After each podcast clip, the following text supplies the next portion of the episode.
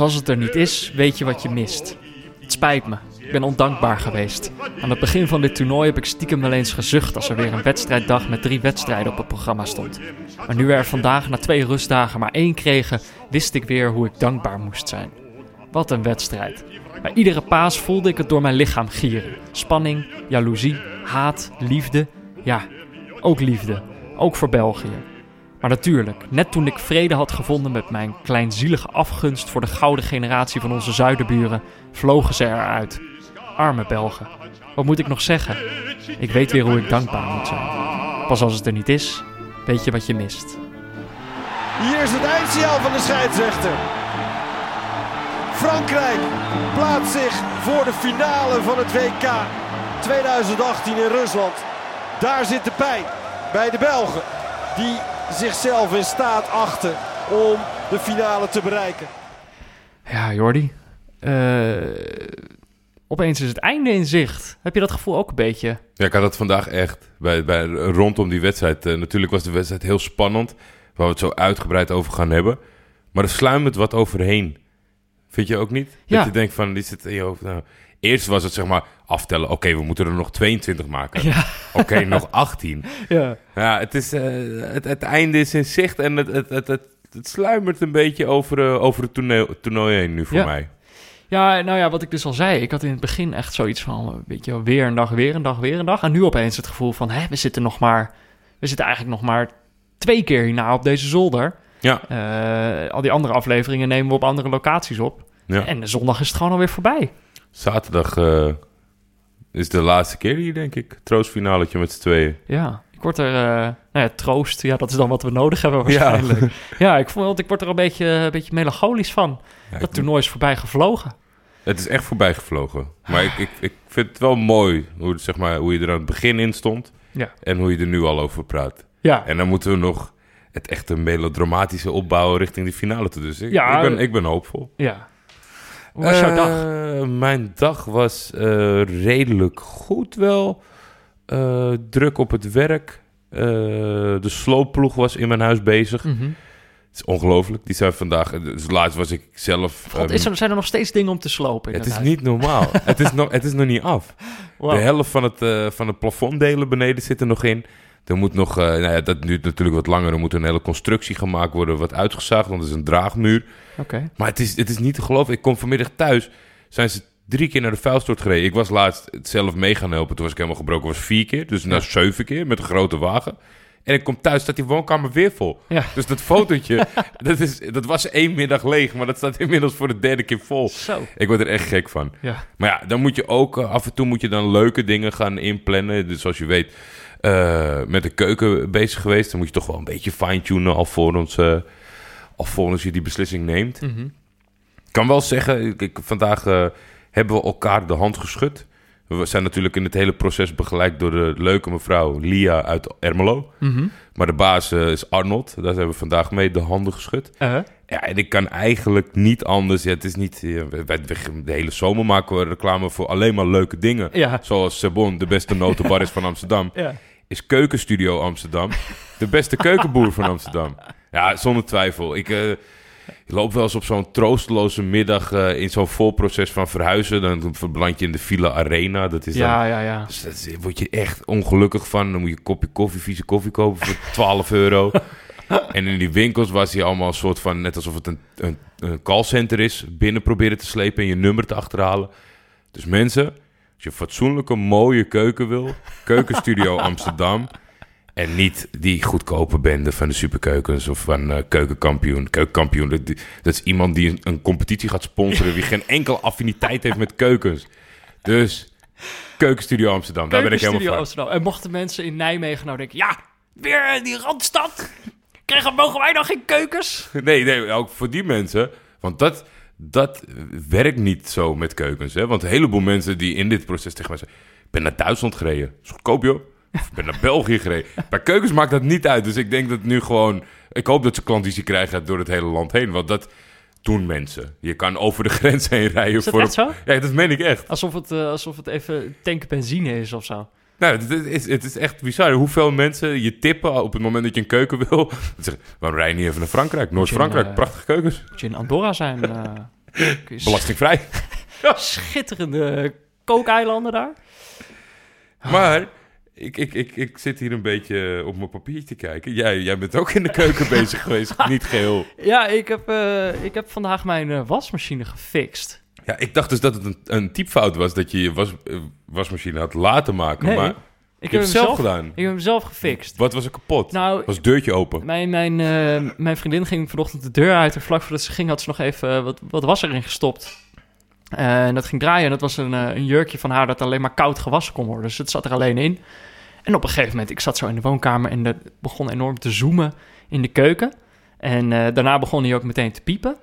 En toen, en toen ging ik even kijken. Toen zag ik, ja, hij stond gewoon... Ik dacht eerst dat hij gewoon klaar was. Dus ik wilde het deurtje openen, maar het deurtje ging niet open. Toen keek, toen keek ik pas en zag ik dat hij nog half vol water stond. Dus dacht ik, oh jee, dat is, eh, dat is niet goed. Toen dacht ik, weet je wat, ik zet gewoon hetzelfde programma nog een keer aan. Dan was ik hem twee keer en misschien dat hij dan de tweede keer het wel gewoon goed doet. En ondertussen ging ik even googlen, gewoon op de, de, de naam van de wasmachine. Het is best wel een oude, dus ik maakte me een beetje zorgen dat ik dacht, ja, misschien is hij wel gewoon echt stuk. En eh, ja, kijk, eh, jouw, jouw gok was niet zo heel raar, want in principe ben ik echt totaal niet handig. Ja, daar wilde ik nog mijn excuus voor hebben. Want ik zit gewoon weer op basis van hoe je hier elke keer tegenover mij zit. Maar even ervan uitgaan dat je heel onhandig bent. Nee, maar ik heb. nee, hoor, ik heb, hem, ik heb hem zelf gefixt. En ik, ik zal je uitleggen hoe. Ik had het dus gegoogeld. En toen kreeg ik meteen al zo'n. ehm, ik had al zoiets van eh, dat het wegpompen het niet deed of zo. En eh, toen vond ik meteen iets. Toen las ik ook meteen een tip van iemand die normaal die dingen fixt. Die zei: ja, je moet gewoon ter hoogte van de pomp. Moet je gewoon een paar klappen geven. En dan doet hij het weer. Eh, in ieder geval even. Dan, dan maakt hij het programma gewoon af. Eh, dus toen begon op een gegeven moment dat zoomen weer. En dat was dus de pomp die het niet voor elkaar kreeg om het, om het af te gaan pompen. Want ik dacht eerst nog, waar zit die pomp? Maar ja, toen ging hij heel hard zoomen. Toen dacht ik, oh ja, daar, daar zit hij. En toen klapte ik erop. En echt gewoon, ik heb één of twee keer geslagen. En toen eh, begon het water alweer te gorgelen. Pompte die hem leeg. dus dat is hoe ik een wasmachine gefixt heb. Toen voelde ik me echt eh, de shit de rest van de dag. Ja, nee, snap ik. Ja. Maar het is wel een beetje een tijdelijke oplossing. Of ga je gewoon aankomende tijd blijven slaan? Ja, dan eh, ik gewoon niks tegen mijn vriendin zeggen. Nou, elke keer als het gebeurt, dan sla ik er zo even op. En dan denkt zij, wauw, Wauw. Wat een, wat een hunk. Nou mensen, als jullie luisteren, jullie hebben een mooie nieuwe wasmachine. Als iemand nog... eh, ik kom er wel even een klap op geven. Geen enkel probleem. ik weet hoe dat moet tegenwoordig. Ja, en dan nog een, een, een, een hele leuke update, denk ik. Ja. Iets, eh, iets waar ik ontzettend benieuwd naar was. Ik, Ja. ik zat er al een tijdje mee in mijn hoofd. Eh, ik heb er misschien iets te lang mee gewacht, want het wordt krap of mensen hem tijdens de finale kunnen dragen. Ja. Maar we hebben met dat toffe logo van Barry Pirofano gewoon een shirtje laten maken. ja. Merchandise. Merchandise van, eh, van onszelf. Ja, en jij was helemaal bezorgd of, of, of mensen dat wel zouden kopen. Nou, binnen 24 uur. Ja, inderdaad. En Alles ook, weg. Ja, eigenlijk eh, toen net al bij het laatste, want er was er nog één over. Ik denk, ja, omdat ik de hele tijd zei van die is weg, die is weg. Ik denk, geef nog één update. Toen was daar eh Rink Bakker binnen een nanoseconde om te zeggen, die moet ik hebben. Ja. En daarna kwamen er ook nog twee en dat zei hij van, ja, onze eigen fout hadden we maar eh, eerder moeten reageren. Nou, niet zo streng voor jezelf, mensen. Het was gewoon echt heel weinig. Een collectors item. En je moet maar net eh, op het juiste moment op Twitter hebben gekeken. Ja. Maar ja, wie weet eh, in de toekomst meer. Maar ik moet wel even mijn complimenten geven. En eh, mijn excuses aanbieden Oh. aan de werknemer van de maand van More Color. More Ja. Color, dat is de drukkerij van Amsterdam. More color. en daar werkt Angelo van Damme. Ja? Een goede vriend, Mhm. mag ik zeggen. Eh, die is daar gaan Nog werken. steeds? Nou ja, het, ik, heb, ik heb echt, echt het lot getart. Ja. Ik heb 28 updates gegeven van... nee, nee, er moet even, er moet even een emmetje bij. Nee, doe even een elletje erbij. En Ja. ik, bij die laatste zei ik van... ik begin nu gewoon wel met typen. Ik hoop niet dat je boos bent... en anders zie ik wel geen vinkjes meer. Dan zie ik het vanzelf. ja. Maar echt super service. En het wordt eh, vrijdag gewoon... eh, is dat klaar en dan gaan we het op de bus doen voor iedereen. En eh, bedankt iedereen dat jullie dat, Ja. dat jullie dat willen hebben in jullie kast. ja, te gek. Leuk dat jij nou allemaal shout-outs naar bedrijven aan het doen bent. Dat lijkt wel... Ik kreeg heel veel kritiek dat ik mijn bank heb verkocht in de eerste week van de podcast. Maar je, jij hebt inmiddels echt je hele huis wel kap- kapot laten sponsoren door Het stukje beleving kunnen ook wel veranderen in gewoon het reclameblokje. een stukje sponsoring. Nee, maar dat is wel, dat moet ik wel zeggen, voordat we overgaan naar de rectificatie. Vind ik een van de leukste bijkomstigheden van deze zomer. Van hoe kleinschalig of hoe, ja, kijk, van een, van een gebrande hazelnoot tot een kook, kookeiland. Ja. Mensen zijn zo positief daarover. Oh, En we maar- kregen ook nog dat berichtje dat iemand eh, gewoon een zakje noot had gekocht om mee op vakantie te nemen. Die Die stuurde een foto in Frankrijk. Frankrijk. Ja, dit is toch te lijp voor woorden. Maar daarom... eh, Kijk, het is, het is geen onzin, mensen. Op de tv eh, wordt je een, een slechte bril door je mik gedouwd door een irritante René Vroger. ik kan jullie garanderen, als je naar de plekken gaat die ik zeg, is gewoon goed. Ja, ja, het is gewoon oprecht, een stukje oprechte reclame. Ja, Ja, hadden, dat, mist, dat mist de wereld. Oprechte reclames. hadden we dat maar eerder geweten, dan waren we nu stinkend rijk geweest. joh. Dan hadden we de hele WK. Gewoon een radioshow met alleen maar reclames. Eh, rectificaties. Eh, niet, niet, e- niet, echt, niet echte rectificaties. Dus het was wel eentje. Allebei niet, toch? Nee, nee, nee. Ik ging, maar ik ging wel even zoeken. Toch even terugscrollen, want soms mis je ze toch weer. En ik kreeg toch een opmerking van iemand...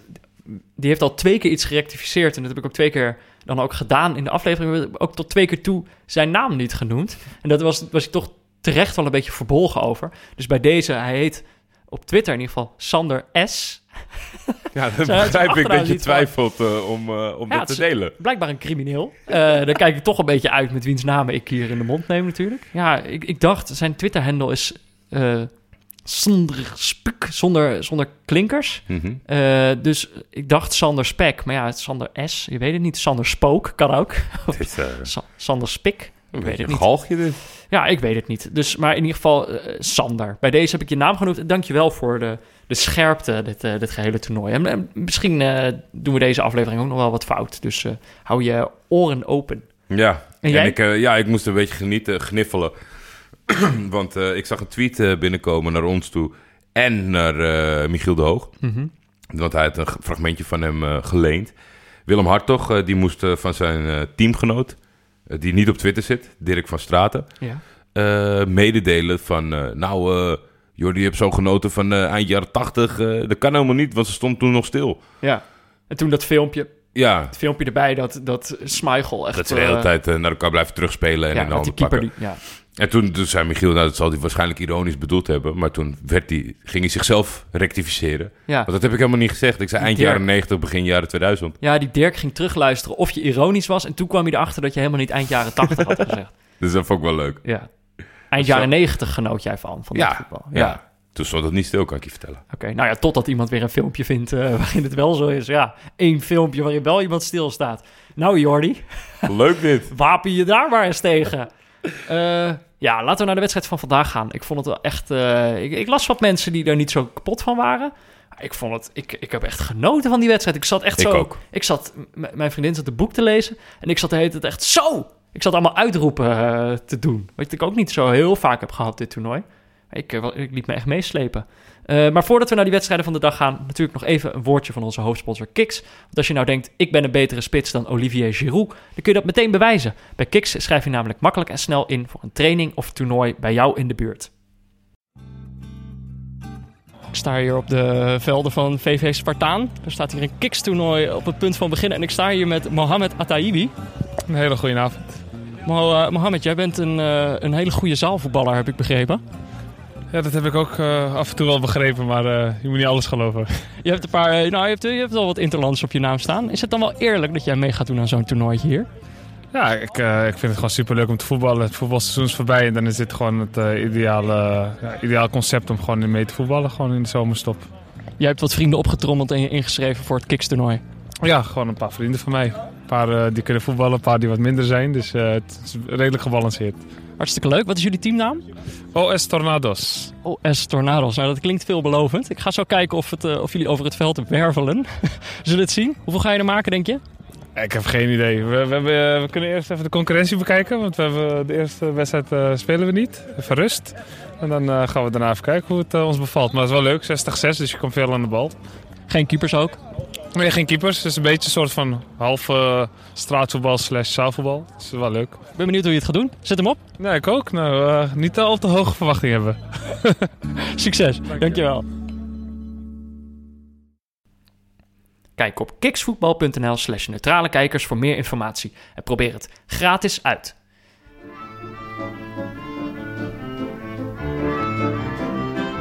Dan dus de wedstrijd van vandaag. Ja, ik vond het genieten. Toch? Ik ook. En ook al van meet af aan. Meteen in het begin was... Die spanning was zo voelbaar Ja. tijdens het kijken. Dat, dat, ze, ze, ze, ze wilden allebei wel. Maar ze, volgens mij hadden alle spelers ook het besef van...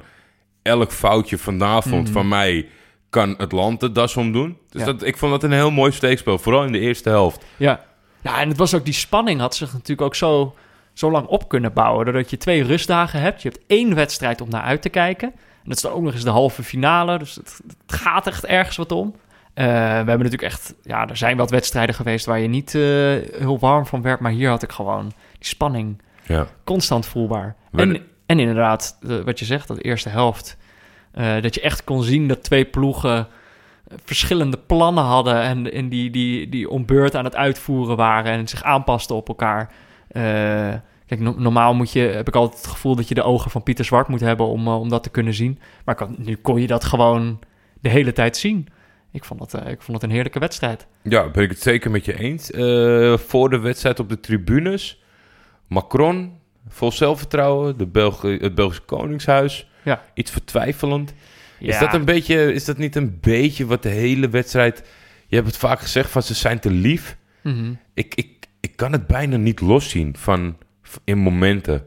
Waar het belangrijk dat, dat, ze gewoon te lief zijn van aard ook. Die Belgen. Ja, in die slotfase, dan is, dan is Vertongen Mbappé terecht zat. Die, die, die een of ander circus trucje weer gaat doen langs de lijn. Ja. En dan geeft hij hem een setje. Ja. Terwijl, Zaag die jongen midden, joh. het is 95ste minuut. En het, weet je, het, zijn, het, zijn echt wel, het staan echt wel kerels. Er zijn echt wel duels uitgevonden. Maar ze zijn, ze zijn niet vals. Nou ja, het is, het, op een gegeven moment toen die, die, eh, to- toen die 1-0 viel, dan geeft die koning ook meteen een handje aan. eh, Meteen. Maar ja, het is, het is, dat is dan wel de koning. Hè? Ik bedoel, moet je je voorstellen, Willem-Alexander zie je ook niet zo gauw vloeken als het, als het een keer misgaat of zo, weet je wel. Die, die, die wil dan toch ook vooral een soort sportiviteit eh, uitstralen. Maar het, het staat wel symbool ergens voor, daar ben ik het natuurlijk volledig mee eens. Ja, ik, ik zit even kijken of, of er voorbeelden zijn van...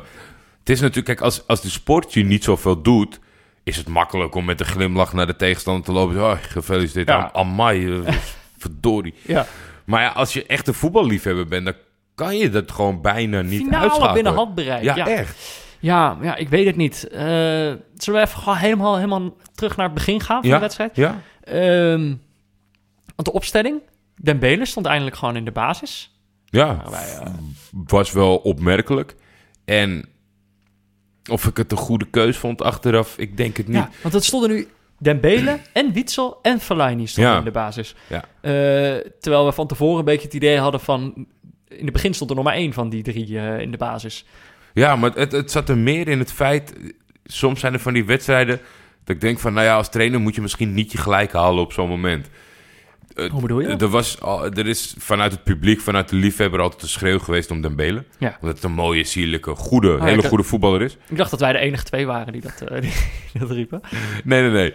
En dat er echt een heleboel mensen die lief... Maar dat is ook niet gek, omdat je Nee. afzet tegen mogelijkheden als Witsel en Fellaini. Ja. Maar in deze situatie moest hij toch wel een beetje voorzichtig zijn. En dat is natuurlijk altijd de kritiek van... ja, ik kan hem wel opstellen, maar hij, hij is te aanvallend ingesteld. Maar ik zag ook dat hij een tikkeltje te langzaam is... of, of, of niet scherp genoeg voor zijn verdedigende taken. Ja. Af en toe verloor hij zijn speler en dat was het meteen levensgevaarlijk. Natuurlijk ook omdat ze achterin eh, daardoor niet een extra speler hadden. Nee. Dus ja, ik had een beetje het idee... Martinez zal nu niet gebeuren, maar die kan best in een televisiestudio gaan zitten met zijn arm over en gaan zeggen... hey, Ik zei toch dat hij niet... dat Dembele van jullie, dat werkt gewoon niet. Ja, nou, het was wel. Ik, jij zei dat het, eh, dat het verrassend was. Het was natuurlijk wel verrassend dat hij ze opeens alle drie opstelde. Maar dit was ook wat, wat, eh, wat, wat Pieter al een beetje had voorspeld: van België kan niet met, het, met hetzelfde. met eerdere strijdplannen die ze al gehad hebben aantreden aan deze wedstrijd. Ja, ze zullen echt wat anders moeten gaan Ja. doen. En dit, dit was dus uiteindelijk de keuze. Maar eh, ik, ja, Frankrijk had ook gewoon wel een duidelijke strijdplan. Eh, die, eh, die paste zich dan weer aan op, eh, op België. Eh, maar eigenlijk was het zo, ik schakelde dus net te laat in. En jij had het begin gezien. Ja, Ik schakelde in en dat was denk ik, ze waren 17 seconden bezig of zo. En toen was. België alweer bezig om een bal weg te werken of zo. Dus toen was het eigenlijk al begonnen, de wedstrijd.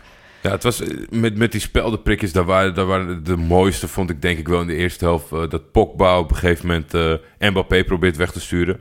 En dan zag je ook wel dat uiteindelijk over de hele wedstrijd België het misschien hartstikke knap heeft gedaan.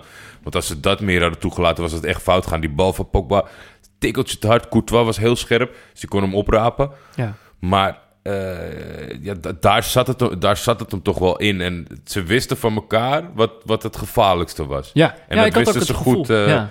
Goed, goed weg Maar ik, Ik had ook het gevoel dat Frankrijk zoiets had van, van laat de Belgen maar laat de Bel- Belgen gewoon maar komen tot ongeveer onze helft halverwege. ja, en de Belgen en dan kunnen we counteren. Ja, maar de Belgen wilden niet te massaal komen, want dan wisten ze achterin zijn Ja. we de klos. Ja, maar het is wel leuk om dan twee teams tegenover over elkaar te zien die dat allebei weten. Of zo. Ja, Dus die ja, allebei ja. voorbereid zijn op, op, op deze, deze wedstrijd. Ja, en daar, daarvoor, nou, ja, misschien moeten we het nog eerst tot, tot ik tot, de slo- tot mijn slotconclusie kom. Wat ik zo moeilijk vind aan dit wedstrijd.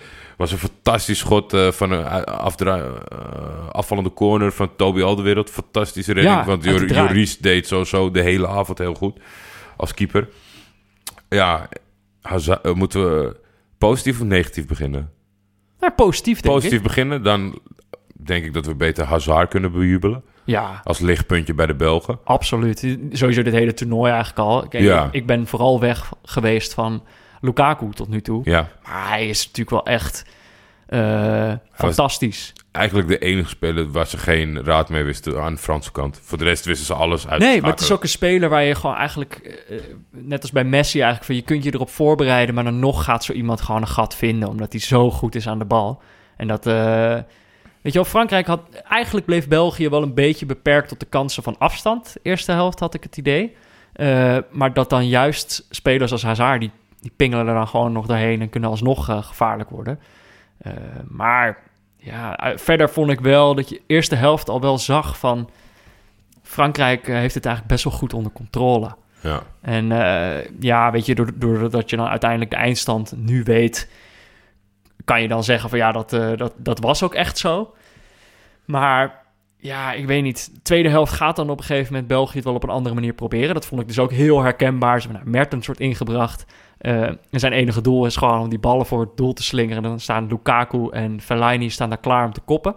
En dat vond ik zo, zo duidelijk eh, dat, dat dat het plan was, zeg maar. ja.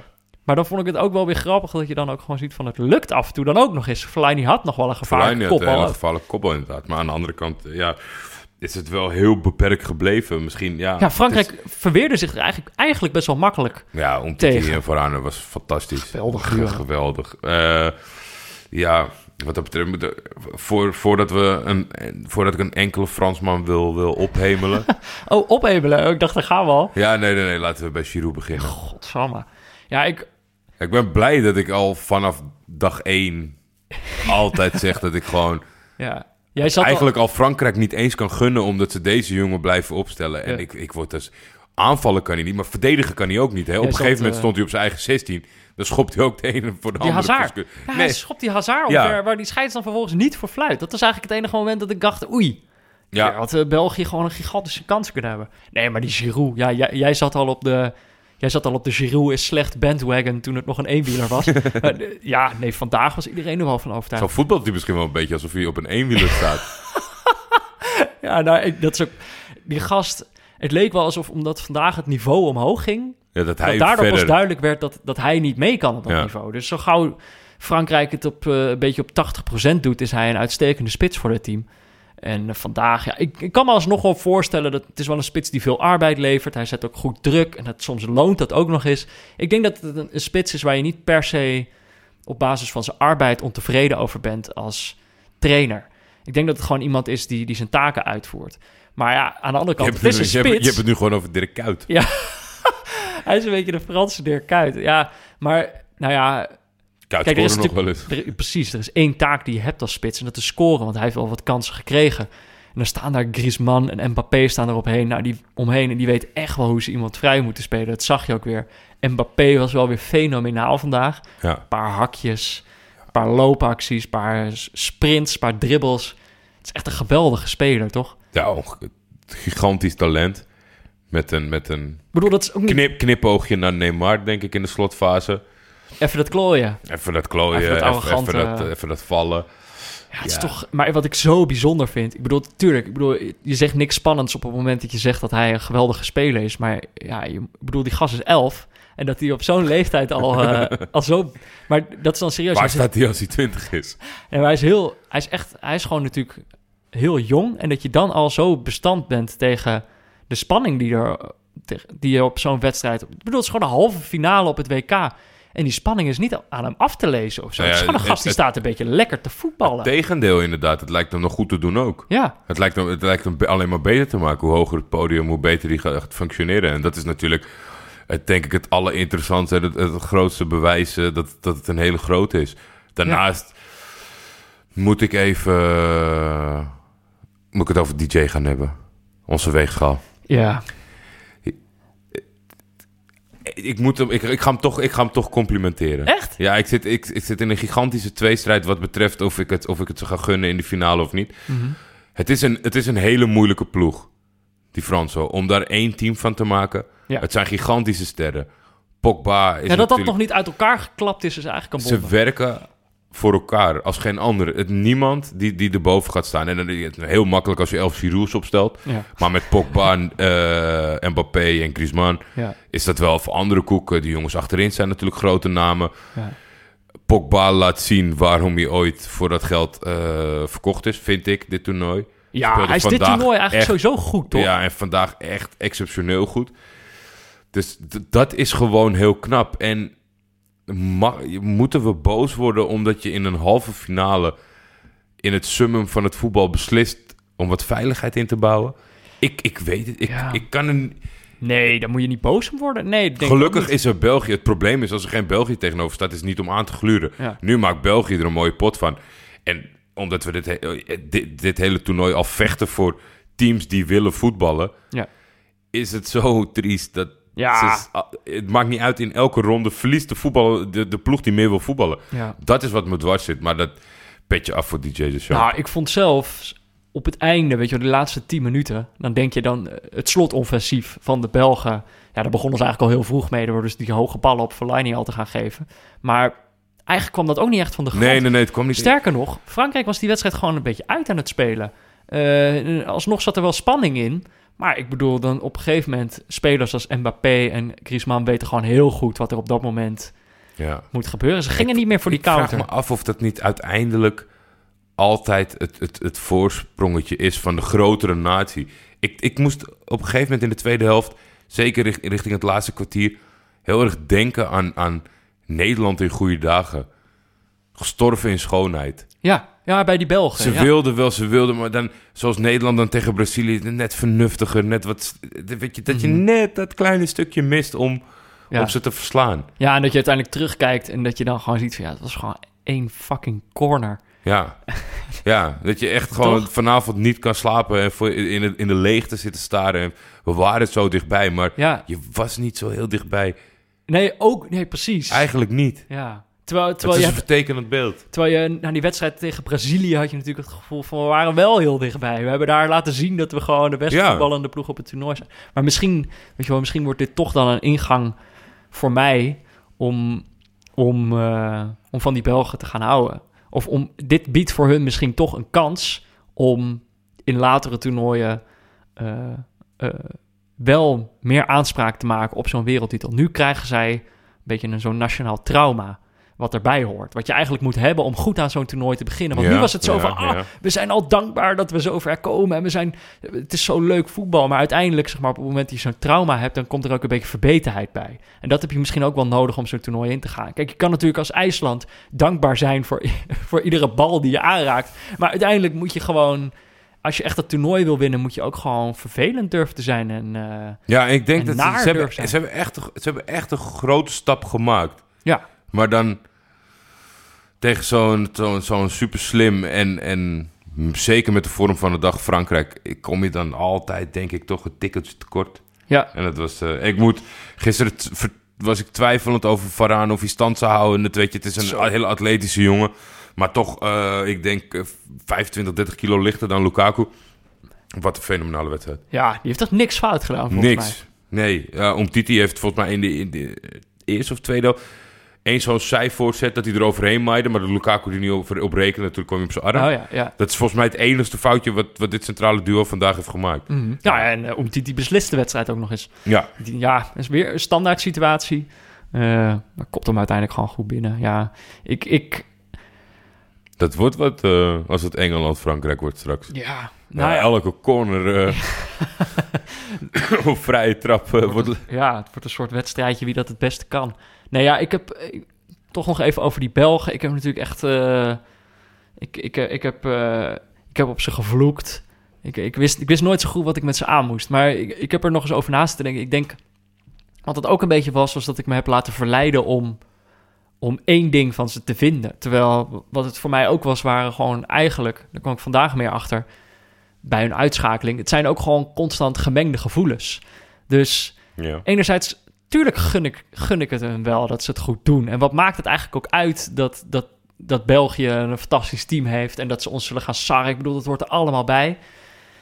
Ehm, maar tegelijkertijd, weet je wel, merk je dan ook weer die, die, die afgunst en zo. En ik had het eigenlijk gewoon allebei. Het was niet zo dat ik de ene dag het ene vond of de andere dag het andere. Ik heb het gewoon eigenlijk altijd allebei dubbel. gevonden. Dus nu liggen ze eruit. En aan de ene kant denk ik dan van ja, dat vind ik, vind ik gewoon jammer. Want het was echt een mooi voetballende ploeg. En een geweldig team. Een mooie generatie waar je graag toch had gezien dat daar wat, wat moois vandaan was gekomen. En misschien, als je dan toch nog een beetje op een wonder hoopte, was België uiteindelijk ook best wel een wonder geweest. Maar aan de andere kant eh, is het toch ook een opluchting. Dus weet je, die, dat voelde ik allebei. Op het moment dat het was afgelopen voelde ik zo van... Hè, hè, godzijdank niet de Belgen. En tegelijkertijd dacht ik, ja, toch gewoon wel jammer. Gewoon echt wel het, een, een mooi team. Mooie ploeg. Leuke spelers. Ja, dus allebei. Ik heb het allebei gevoeld. Maar ze zijn natuurlijk nog niet helemaal klaar. Ze krijgen nog de, De troostfinale. de schrale troostfinale. Ja, ja. wat, moet, wat moet ze daar nou mee? Ik, denk, ik zou dan denken van dat je, als je zo dichtbij bent geweest, dat je dan denkt, eh, laat maar die troostfinale. Ik weet nog wel, vier jaar geleden toen Nederland daarin stond, vond ik het eigenlijk heel erg leuk. Omdat die hele, dat hele toernooi was al een verrassing geweest. Ja, precies. Maar ik, ik kan me eigenlijk nooit voorstellen dat je inderdaad als speler er zin in hebt. Maar Nederland zorgde er wel voor dat wij het met z'n allen leuk vonden. Want Ja. die, die, die gingen erop. De, de, de, de Brazilianen waren natuurlijk enigszins aangeslagen. Ja. ja. dus eh, nee, dat was eh, over het algemeen. Ja, het, het, het- volgens mij is het. Is die troostfinale dus alleen maar leuk als je er niet op hebt gerekend. Dus Ja. ik denk dat de Belgen. Eh, ze hebben zich veel uitgesproken over dat ze er echt voor gaan. Die groep had er zin in. Ja. Ik denk dat die zich moeilijk kunnen motiveren dit keer. In 2002, toen Turkije die wedstrijd speelde, die, die deden net alsof het de gewone finale was. Ja. Aan de andere kant, zoals Zuid-Korea, die hadden precies hetzelfde ingrediënten. Ja. Het is omdat het dan voor het eerst gebeurt en je hebt een fantastische zomer, pakken we deze schrale troostfinale er ook nog even bij. Ja, nee, als, als dan ook nog eens Engeland verliest aan Kroatië, dan kan het nog wel eens een hele, hele treurige troostfinale worden. Waarbij allebei die ploegen ontzettend eh, de P in hebben. Ja, Maar ja. een mooie straf voor het duel dat ze niet wilden winnen. Ja, ja oh, dat zou wel heel grappig zijn, ja. Maar ja, we moeten het maar zien. Ik, denk- ja, ik weet het niet. Ik, ik, eh, zoals ik al zei, ik vind het jammer van de Belgen. En ergens ben ik toch ook wel weer opgelucht. Eh, ik weet het gewoon niet meer. Ja, Ik weet gewoon niet meer wat ik van ze ik vind. denk als we, als we kijken naar, naar het grote deel Belgen, wat deze zomer ook toch elke keer is ingeschakeld naar ons, ondanks dat Mhm. jij het zo heel moeilijk hebt gemaakt Ja, het is Om- wel een beetje plagen. om dit uit te zetten. eh, dat heeft mij mild gemaakt. Het is natuurlijk allemaal begonnen met die recensie, maar over het algemeen. eh, de, de vriendelijke luisteraars. Ja. Nee, ik, ik, ik, ik, ik gunde het ze van harte. Ja, en nu hebben, we, nu hebben we iets gemeen, weet je wel. Nu kan ik meer van ze hebben, omdat zij nu ook een, een, een traumaatje hebben. Ja, Snap je? Dus, dus nu voel, ik voelt eigenlijk alsof we dichter bij elkaar gekomen zijn. ja. Dus En- het volgende Europees kampioenschap dat we samen gebroedelijk niet plaatsen. Want dat, ja, dat zou echt mooi zijn. Nee, wat mijn, eh, mijn, mijn goede oom Paul eh, eh, Mhm. eh, had gezegd was... wa- Waar hij voor, was voor de wedstrijd, zei hij. Waar hij eigenlijk een beetje voor... Hij zei, ik, moet toch ook, ik begin ook opeens te vrezen voor een Belgisch succes. Ja. Hij zei ook wat, wat er dan zou gebeuren op het moment dat zij wereldkampioen zouden worden. Eigenlijk zouden ze dan laten zien dat het helemaal niet zo moeilijk is. Dat het helemaal niet zo, zo mythisch is om, eh, om zo'n toernooi te winnen. Gewoon je hebt één keer een goede generatie en je wint het gewoon. Dat gevoel, dat hebben, hebben ze nu niet meer. Zeg maar. nu, hebben zij, nu hebben zij ervaren dat het toch echt daadwerkelijk heel moeilijk is. Ja, En, eh, nee, dat, is- dat is zeker wel gebleven. de wereld is gewoon nog een beetje in stand gebleven. Ik vond, ik vond eh, met terugwerkende kracht, misschien omdat ze deze zomer ergens op rekenden, dat best wel mild, zeg maar. Want dan werd er gezegd in de eerdere eh, minder succesvolle toernooien dat ze dan nog jonger waren en dat soort dingen. Ehm, nee, ik vond in ieder geval dat ze twee jaar geleden gezien de kwaliteit die er rondloopt al wat beter. Maar ja, dat heeft natuurlijk ook te maken... eh, je stelt als supporter niet de bondscoach aan. Die, is ook niet altijd goed uitgepakt. Nee. Ik, eh, ik ben benieuwd of, eh, of het EK een prooi kan worden voor ze. Ik denk het Nou. wel, namelijk. Ze kunnen echt nog wel een tijdje mee, Ja. toch? Ik bedoel, dat hebben we met Nederland ook ervaren. Ook, ook met, een, met een soort mix van, van, van spelers aan het einde van hun, eh, van hun Ja, carrière. als ze maar heel goed zijn, inderdaad. Als je de Bruyne en Hazard, als je die fit kan houden, zoals dat ze in een Robben en Snijderrol kunnen mee, dan heb je eh, maar enkel een paar houthakkers soms heen nodig. Om het, Ron Vlaar. ja, Ron Beton, die de held werd in Brazilië. Nou, wie had dat gedacht? Ja. Nou, eh, ja. Nee, dus En Louis dat van kan. Gaal heb je dan ook wel nodig. Ja, dat, dat is wel zo. Dan moet je, dan, mocht het zeg maar hierna wat minder voor ze worden, maar wel nog een paar grote jongen, heb je wel een hele goede trainer nodig. Ja. Maar dus, dus eh, nou ja. Eh, het- moeten we nog iets zeggen over deze wedstrijd? Nee, niet echt hè? Dat ik het gewoon sensationeel vind, omdat iedereen alles erover gezegd heeft en geschreven, dat wij dit nu gaan passeren zonder Thierry Henry te hebben bespreken. vind ik keurig. To- toch even doen. ja. Eh, dit was ook de wedstrijd die we gingen voorspellen. Ja? Jij Ehm, staat dichtstbij? Ja, ik was de, ik was de enige van, eh, van, van ons drieën, omdat Victor hem ook had voorspeld. Die voorspelde dat eh, Frankrijk zou gaan winnen, maar ik zei 2-1. Ja. Toch iets meer goals verwacht. Die bleven uit. Jij had 1-4 gezegd. Nou ja, het heeft in ieder geval voor een spannende wedstrijd gezorgd. En eh, Victor zei 2-3. Dat is het ook niet geworden. Er zijn wel twee luisteraars die het goed hadden voorspeld. Ja, Eh, Niels Peters en Willem Dudok die ken ik. vriend van de show. Natuurlijk ook een van de presentatoren van eh, onze bevriende podcast eh, De Rode Lantaarn. De sensationele Tour podcast. Ja, eh, inmiddels eh allround wieler podcast, maar Ja. nu weer volop op de Tour natuurlijk. Zij hadden het allebei goed en eigenlijk hun variabelen ontliepen elkaar niet heel erg veel, zodat het allebei niet helemaal goed. Allebei. We konden er gewoon niet Alleen de uitslag was goed. Voor Alleen- de rest niks. Precies, dus we, we hebben besloten van we kunnen eigenlijk niet zo goed kiezen. En nou, bij de Rode Lantaarn laten ze altijd een notaris kiezen. Dat Eh, budget hebben wij nog niet. dat budget hebben wij niet. Zover zijn wij nog niet. Dus, maar we hebben wel een eh, officiële naamloodsponsor van de show. Naamloten.nl. Ja. Daar heb ik twee namen ingevoerd. Ja. Willem en Niels. Ja. En dan kunnen we nu misschien live in... in Ja, eh, jullie zien het niet, maar ik kijk nu mee op het scherm van Ja. Peter om te kijken dat dit eerlijk gaat. ja, dan druk ik op, op start het loten. Druk ik dan op. En dan, eh, dan wordt er een live een naam geloot. En dan weten we wie er gewonnen heeft. Daar komen ze. Ik zie nu eh, zes keer Niels en Willem in Comic Sans. Oeh, Niels heeft gewonnen. Niels. Niels. Jeetje, hoe gaan we dat verkopen aan Willem? Niels. Ja, oeh, sorry Willem. Ja, nou ja, Niels, eh, je hebt gewonnen. En je wint deze keer niet een eh, boek van Pieter Zwart, zoals de, de vorige keren steeds. Nee, omdat Victor er gisteren was, win jij een Barca-shirt. Het is zeg maar het shirt van de, de, de ploeg. De fictieve ploeg van de film Catacomba. Ja, nou, dat is best wel een vet, eh, vet ding. Jij, Ja, hebt, ook zo'n shirt, toch? Ik heb, hem, ik heb hem thuis liggen en het is, het is een heel mooi shirt geworden. Het, het doet aan wat... het doet een beetje aan Excelsior en een beetje aan Antwerpen denken. Oké, Maar het is een fantastisch shirt geworden. Stuur mij een DM en eh, ik zorg dat eh, de gasten van Nieuw Amsterdam eh, jou een shirtje opsturen. ja, top. Gefeliciteerd Niels, goed gedaan. En, en dank natuurlijk aan naamloten.nl voor deze live loting. Ja. We hadden het niet zonder jullie kunnen doen. Ehm, weet je wie natuurlijk ook de, de wedstrijd heeft zitten kijken? Ik heb zo'n vaag vermoeden. Pieter Zwart. ik weet niet of hij vandaag een blokje om aan het doen is. Of hij deze keer buiten opneemt. Iemand, iemand vroeg aan mij of hij, uh, of hij de, de minuut diepteanalyse altijd op de snelweg uh, opneemt. door, de, door de achtergrondgeluiden. Maar het is volgens mij gewoon... Kijk, Pieter heeft het natuurlijk zo druk. Uh, als er dan een keer een verlenging komt of zo... dan ligt heel zijn, ligt heel zijn planning in puin. Ja. Dan moet hij... Dan moet hij gewoon tussen, tussen de bedrijven door... doet hij dan nog even een diepteanalysetje. Het is zo ongelooflijk knap. Waarschijnlijk op de je, fiets je, knippert met je ogen en het VI Pro-artikel staat online. ja, dat doet hij toch goed. Kijk een pressing. Kijk een pressing. Mede-neutrale kijkers. Mij is altijd geleerd dat winnaars een plan hebben en verliezers een excuus.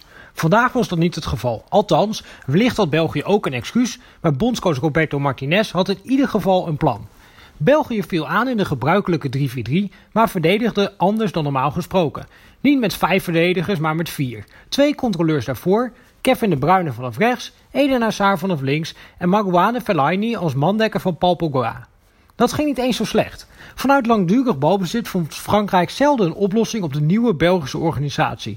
Het probleem voor België was dat Frankrijk simpelweg weigerde om het spel te maken en zich in plaats daarvan liet terugzakken op eigen helft. Vaak met Pogba en Blaise Matuidi als extra verdedigers en N'Golo Kante als extra slot op de deur voor de zesmansdefensie die zo ontstond.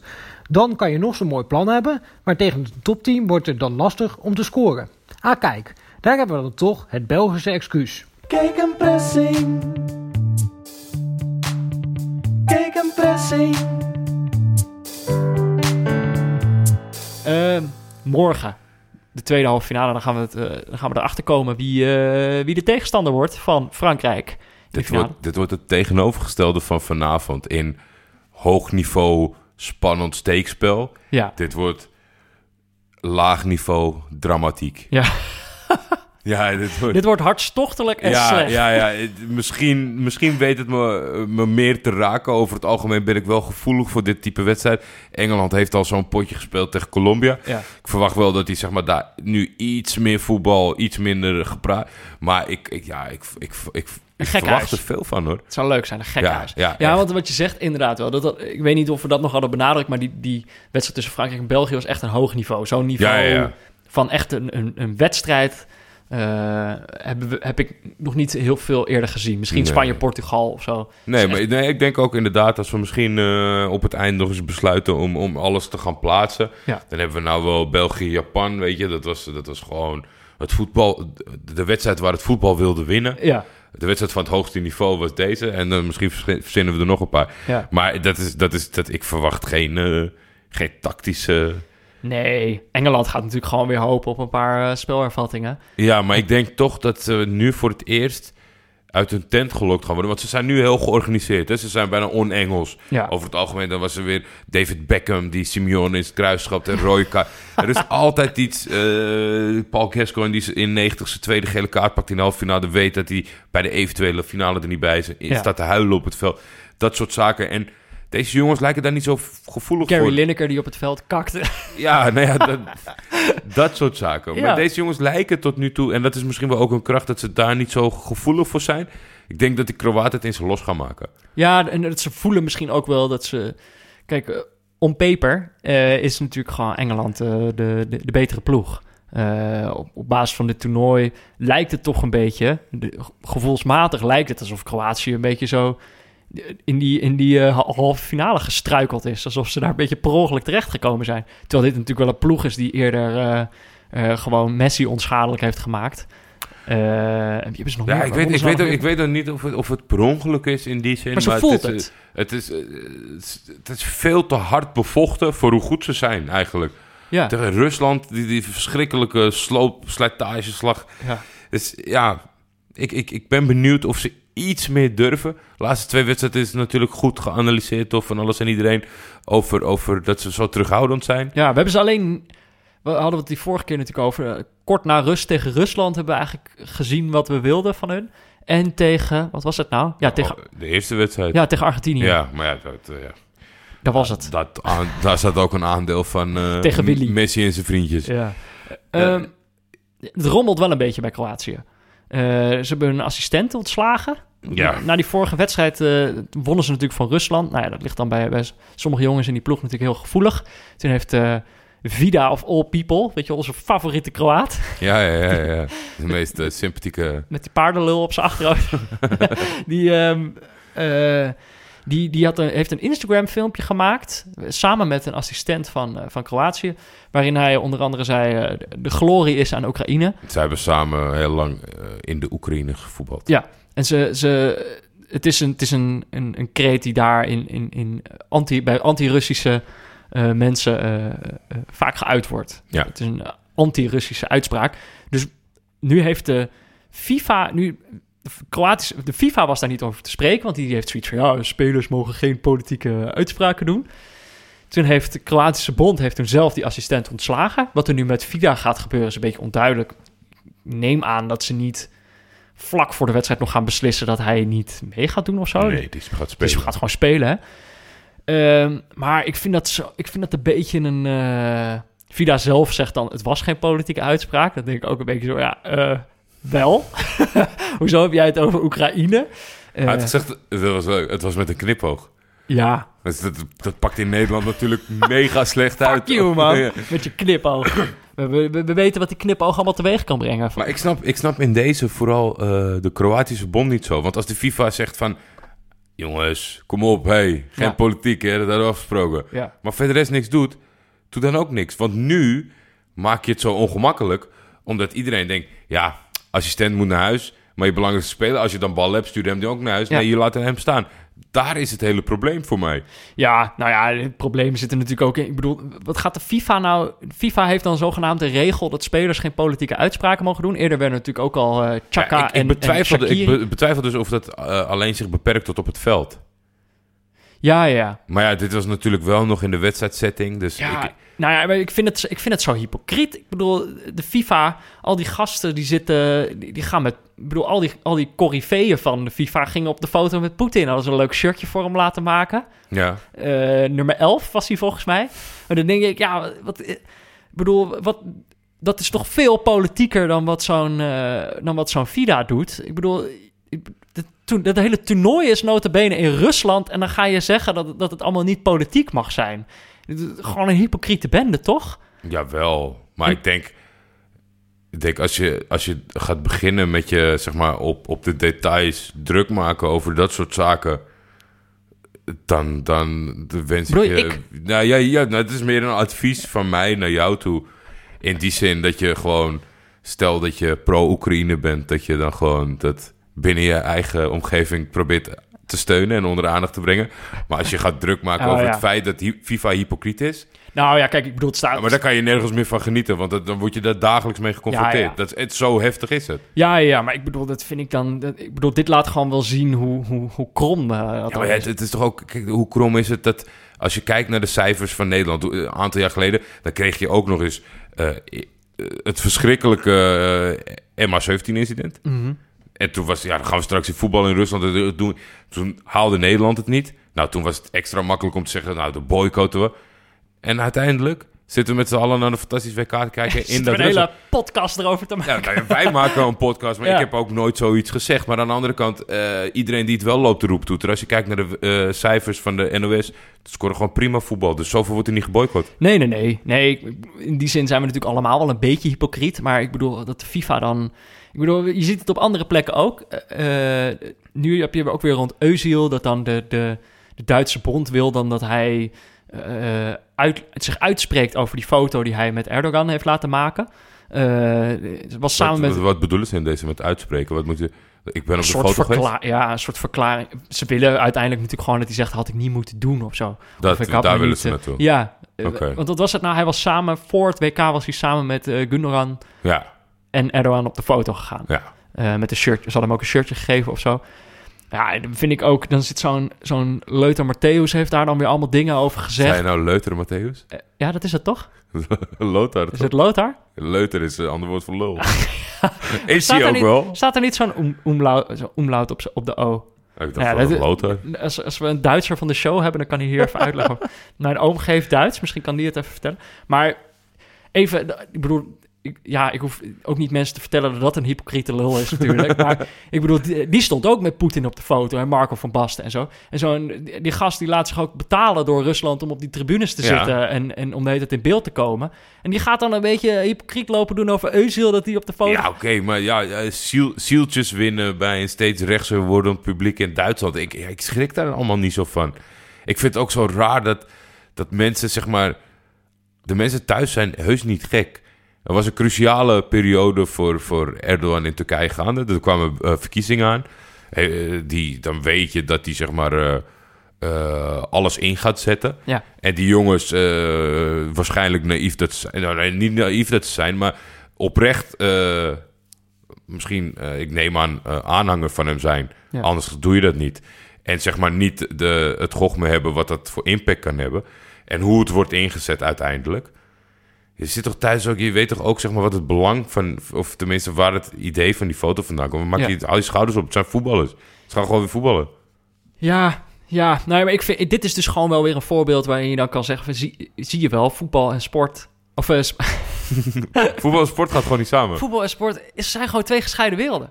Nee, eh, eh, sport en politiek zijn helemaal geen gescheiden werelden. Want je gaat altijd die leiders hebben die, die de- de sport gaan gebruiken om dat goed op zich af te laten stralen. Dat zie je dan met, eh, met Poetin. Maar ja, en dan, en dan gebeurt het een keer omgekeerd. Weet je wel, dan is er een speler die een keer een on- onwelgevallig eh, dingetje zegt in een Instagram-video. En dan, en dan is de FIFA opeens weer streng. Dan zeggen ze, nee, eh, dat Ja. mag niet. Dus dat vind ik gewoon... dat vind ik dan hypocriet. Mag toch? Vind ik ook, vind ik ook. Alleen, wat ik zeg, ik zou, me, ik zou, me, ik zou cherrypicking doen. Ja. Niet, niet alles gaan volgen. Jij wil Vida gewoon lekker in de stront laten zakken. Dat is het. Nou ja, eh, ik, ik, ik ben sowieso eh voor vrijheid van politieke uitingen. Ja. Moeten ze zelf weten. Ja. Maar ja, dat het dan Vida is, dat is natuurlijk wel even kijk, weet je, als, als, als niet 88 mensen gaan opzoeken wat dat, eh, wat dat gebaar is van Shakiri, dan weet de helft thuis niet wat hij doet.